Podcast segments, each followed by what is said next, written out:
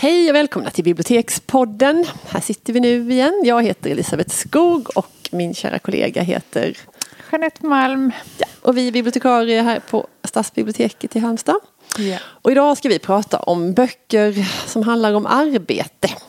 Jobb helt enkelt. Och vi har spanat in att det är en trend. Det har kommit flera böcker som på olika sätt beskriver och uppehåller sig vid det här med, med jobb.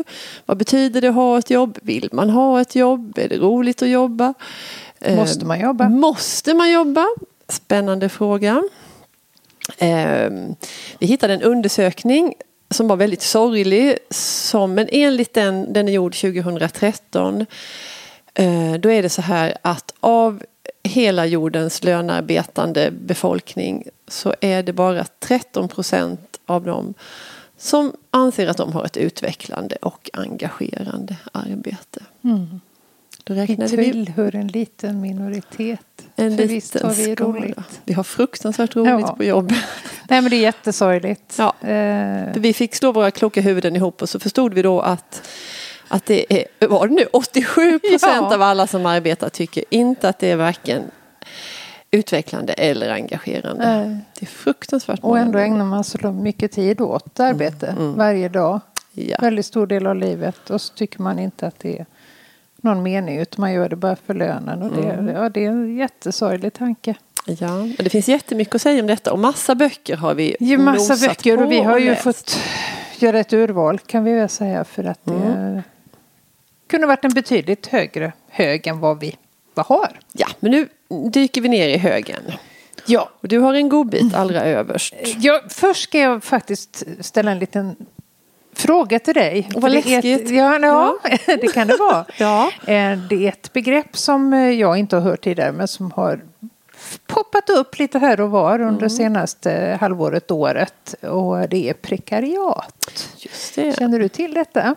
Ja, sådär. sådär. Men jag har nog liksom inte riktigt besvärat mig med att ta reda på exakt Nej, jag det väl betyder. ungefär. Jag hade en luddig uppfattning om ja. vad det betyder. Men eh, nu har jag tagit reda på fakta och då är det ett sociologiskt begrepp mm. som används för att beskriva en grupp i samhället bestående av de som under en längre tid befinner sig utanför den etablerade arbetsmarknaden eller har osäkra anställningsförhållanden.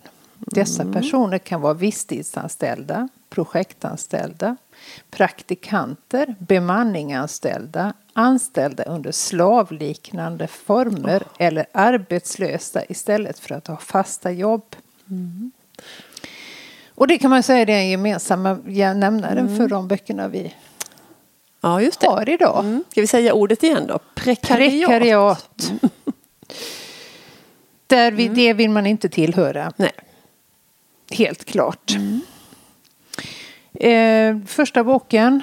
Ja, kör på med den. Den kör vi på med. Mm. Och det var, den slog ner ganska så rejält i, i eh, våras. Och det var Roland Paulsen som är sociolog. Och den handlar om eh, Arbetsförmedlingens personal och heter Vi bara lyder. Och den kom till så att han blev själv eh, arbetslös under en kortare... Han hade ett uppehåll mellan två olika projekt och han var då tvungen att skriva in sig på Arbetsförmedlingen. Och blev ganska omgående i ovän eller i hade menings... konflikt, med. konflikt kan man säga mm. med sin arbetsförmedlare och beslutade sig för att göra en sociologisk studie, inte av de arbetssökande utan av de anställda på Arbetsförmedlingen. Mm. Vilken smart idé. Jättesmart. Mm. Och, eh, ja, det är en, han är väldigt vass och han är rolig eh, och han är ganska så eh, polemisk eh, kan man säga. Eh, han menar ju att det här med arbetslinjen, att vi ska skapa jobb och att alla, att vi ska ha full sysselsättning. Det är inte bara en utopi utan det är ganska så meningslöst och det kommer aldrig att inträffa eftersom vi blir hela tiden mer och mer effektiva och det som behöver göras tar mindre och mindre tid av oss. Mm. Vilket innebär full sysselsättning? Nej. och att arbetet i sig är inget självändamål. det är en oerhört omhuldad utopi det här med... Ja, det är ju en sanning för den har upprepats mm. så många mm. gånger så att det är liksom vi, mm. vi måste jobba till varje mm. pris. Mm. Det är ju ingen som ställer den frågan. Måste vi det? Behövs det? Nej, är det, ens, eh, det varken det eller att det är möjligt? Nej, utan det är Nej. någonting vi har lärt oss. Ja. Att det, är... det är liksom förutsättningen för en hel massa saker. Precis, ja. men eh, inte enligt Roland Paulsson. Då. Nej. Och bara det exemplet att idag finns det 400 000 arbetslösa och 40 000 utlysta tjänster. Mm. Och produktionstakten fortsätter att öka och öka och ändå sänker vi inte arbetstiden. Det är klart vi kunde ha full sysselsättning genom om fler jobbade kortare tid, men mm. så är det ju inte. Utan nu talar man ju till och med om att höja pensionsåldern. Men för Arbetsförmedlingen är det fortfarande den fulla sysselsättningen som är målet. Mm. Och har han fått mothugg eller vad, vad, har, blivit, vad har det blivit för reaktioner på den här? Alltså den har ju fått mycket debatter men det är ingen som kan säga emot för att han, han har gjort en undersökning som han ger belägg för mm, så att man mm. kan ju inte säga att du har fel. Nej, men det, måste vara oerhört provocerande för, Mycket för provocerande. många människor. Mm. Och bara det här att Arbetsförmedlingen, själva namnet Arbetsförmedlingen, förr var det ju någonting som för, faktiskt förmedlade mm. kontakt mellan den som hade ett arbete att erbjuda och den som mm. sökte ett. Men idag är det ju en kontrollinstans eh, mm. som ska kontrollera de arbetslösa och skapa fullkomligt meningslösa sysselsättningar och eh, hålla jobbcoacher vid god kassa. Mm. Hmm.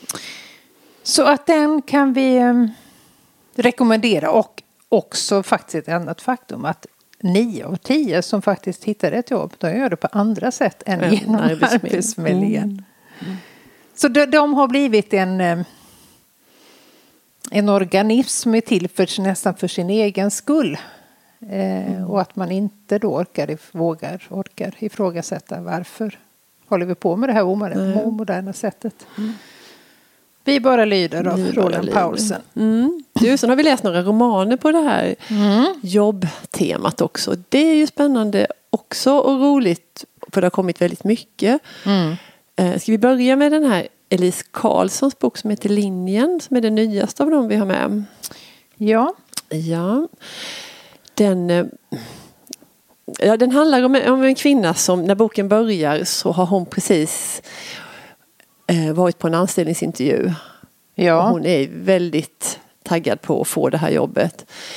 Um, och sen så får hon det och, och den yttre handlingen är väldigt intressant men det är egentligen är det det här inre förloppet och det här linjen är ju en väldigt fyndig titel på den här boken för på något vis så tänker man att, att den blinkar åt det här begreppet arbetslinjen. Mm, mm.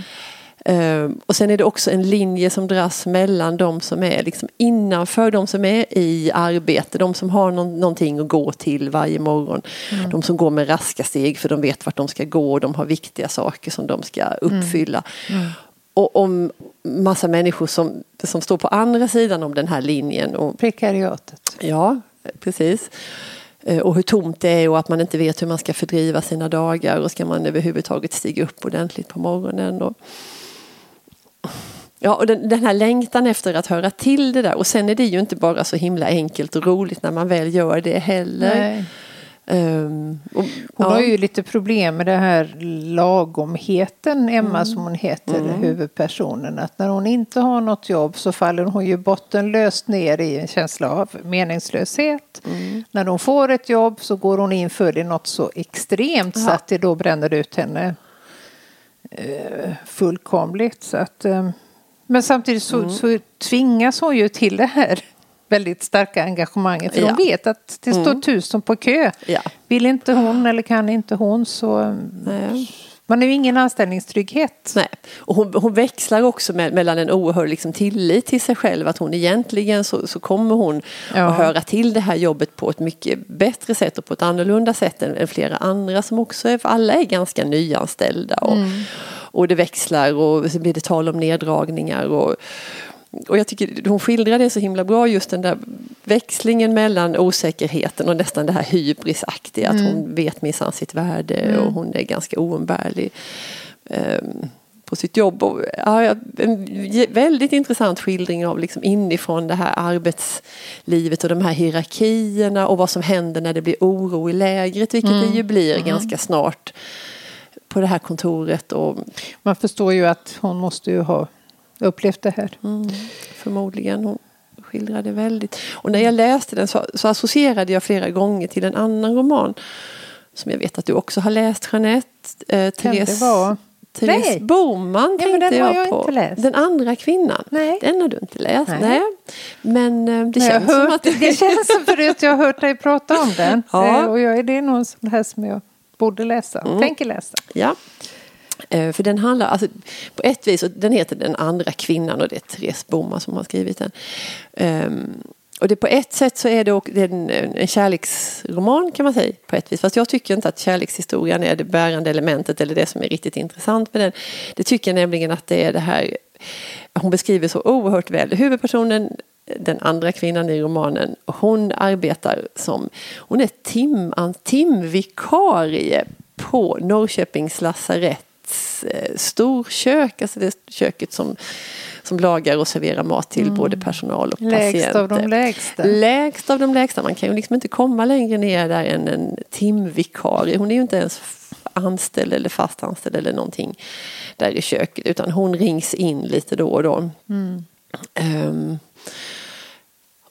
och det är mycket disk och det är mycket oerhört flottiga stora kärl som ska hanteras och, och den här osäkerheten. Och hon har också, hon, hon, vill studera, hon har liksom andra, andra planer för sitt liv än att jobba kvar där. Hon ska där. egentligen inte jobba där. Nej, precis som Nej, men hon gör det i, i väntan på att hon ska komma på vad hon ska göra. Framförallt så behöver hon ju pengar, det är ju en, mm. en realitet mm. Såklart. Um, och den här kärleksrelationen som, som boken också handlar om, det har hon då tillsammans med en överläkare som hon... Det är lite otippat. Ja, faktiskt. det är det. Det är mötet mellan dem. Det är väldigt otippat. Mm. Men hon slevar upp ärtsoppa med sådan elegans när han kommer så han kan inte undgå att lägga märke till henne, vilket är precis vad hon vill. Men, men jag tycker mycket det här skildrandet av att, att vilja höra till, för, för det är ju en väldigt mänsklig eh, mm. liksom, man vill ju höra till, man jo. vill vara en del av någonting. Ja, det är ju den första frågan man får när man ja. träffar någon ny. En av de första. Ja. Vad jobbar du Vad med? Jobbar Vad gör du? Det är mm. ju in, en ingång liksom i mm. vem är du som person? Ja. Ja, vi läste ju en bok för ja. några år sedan som vi var ganska betagna i och tagna av mm. Eh, Christian Lundbergs Jarden. Mm. Som ju beskriver en verklighet som man faktiskt inte kunde föreställa Nej. sig. Eh, den eh, är ju också uttalat självbiografisk mm. kan man säga, även om det är en roman. Och handlar om när han, Christian Lundberg, då efter att ha skrivit någon, några böcker blev socialt utslagen och mm. tvingades eh, söka arbete på ett bemanningsföretag där man, eh, han hade till uppgift att flytta bilar. I Malmö hamn? Ja, mm. och där befann sig ju papperslösa och det var Ja, de som verkligen inte hade Nej. kraft att ställa några som helst krav på sina Nej. arbetsgivare och det utnyttjade ju arbetsgivaren mm. ganska så Ja, det var en oerhörd otrygghet och det, var ja. liksom, det fanns ju inga, inga skyddsnät, ingenting där. Utan de fick ju gå på fläcken om saker inte, om det inte passade. Och tigga om jobb varje dag. Ja. De visste ju inte ens och de fick på inte förmiddagen ens... om de skulle jobba nästa nej, dag. Nej. Och eh, korta små raster och de fick inte ens komma in i den riktiga matsalen de här för de var också längst ner i den hierarkin som du finns överallt. Mm. Så de fick stå ute och äta. Ja, det. Och, det var och folk försvann, då fick man inte fråga Nej. vart tog han vägen. Nej. Nej. Och blev någon sjuk så kunde man inte söka läkare för man hade inte pengar och man visste inte Nej. hur man gjorde och man fanns inte i systemet för man var där illegalt. Ja, men oerhört stark mm. bok på detta ämne också. Det var Jarden det, det Christian Lundberg. Ja. Men du har även tittat på eh, lyrikhyllan. Ja. ja men det... även där hittat. ja, och det, jag blir så glad när jag gör det. För det är så roligt när vi kan hitta böcker liksom, i massa olika genrer. Som mm. Ändå. Mm. Och det kanske inte är det första man tänker på om man liksom vill läsa lite om arbetslivet att man ska gå till lyrikhyllan. Nej. Men minsann, för några år sedan så, så dök den här Johan Jönsson upp i mitt liv. Med sin bok Efter arbetsschema.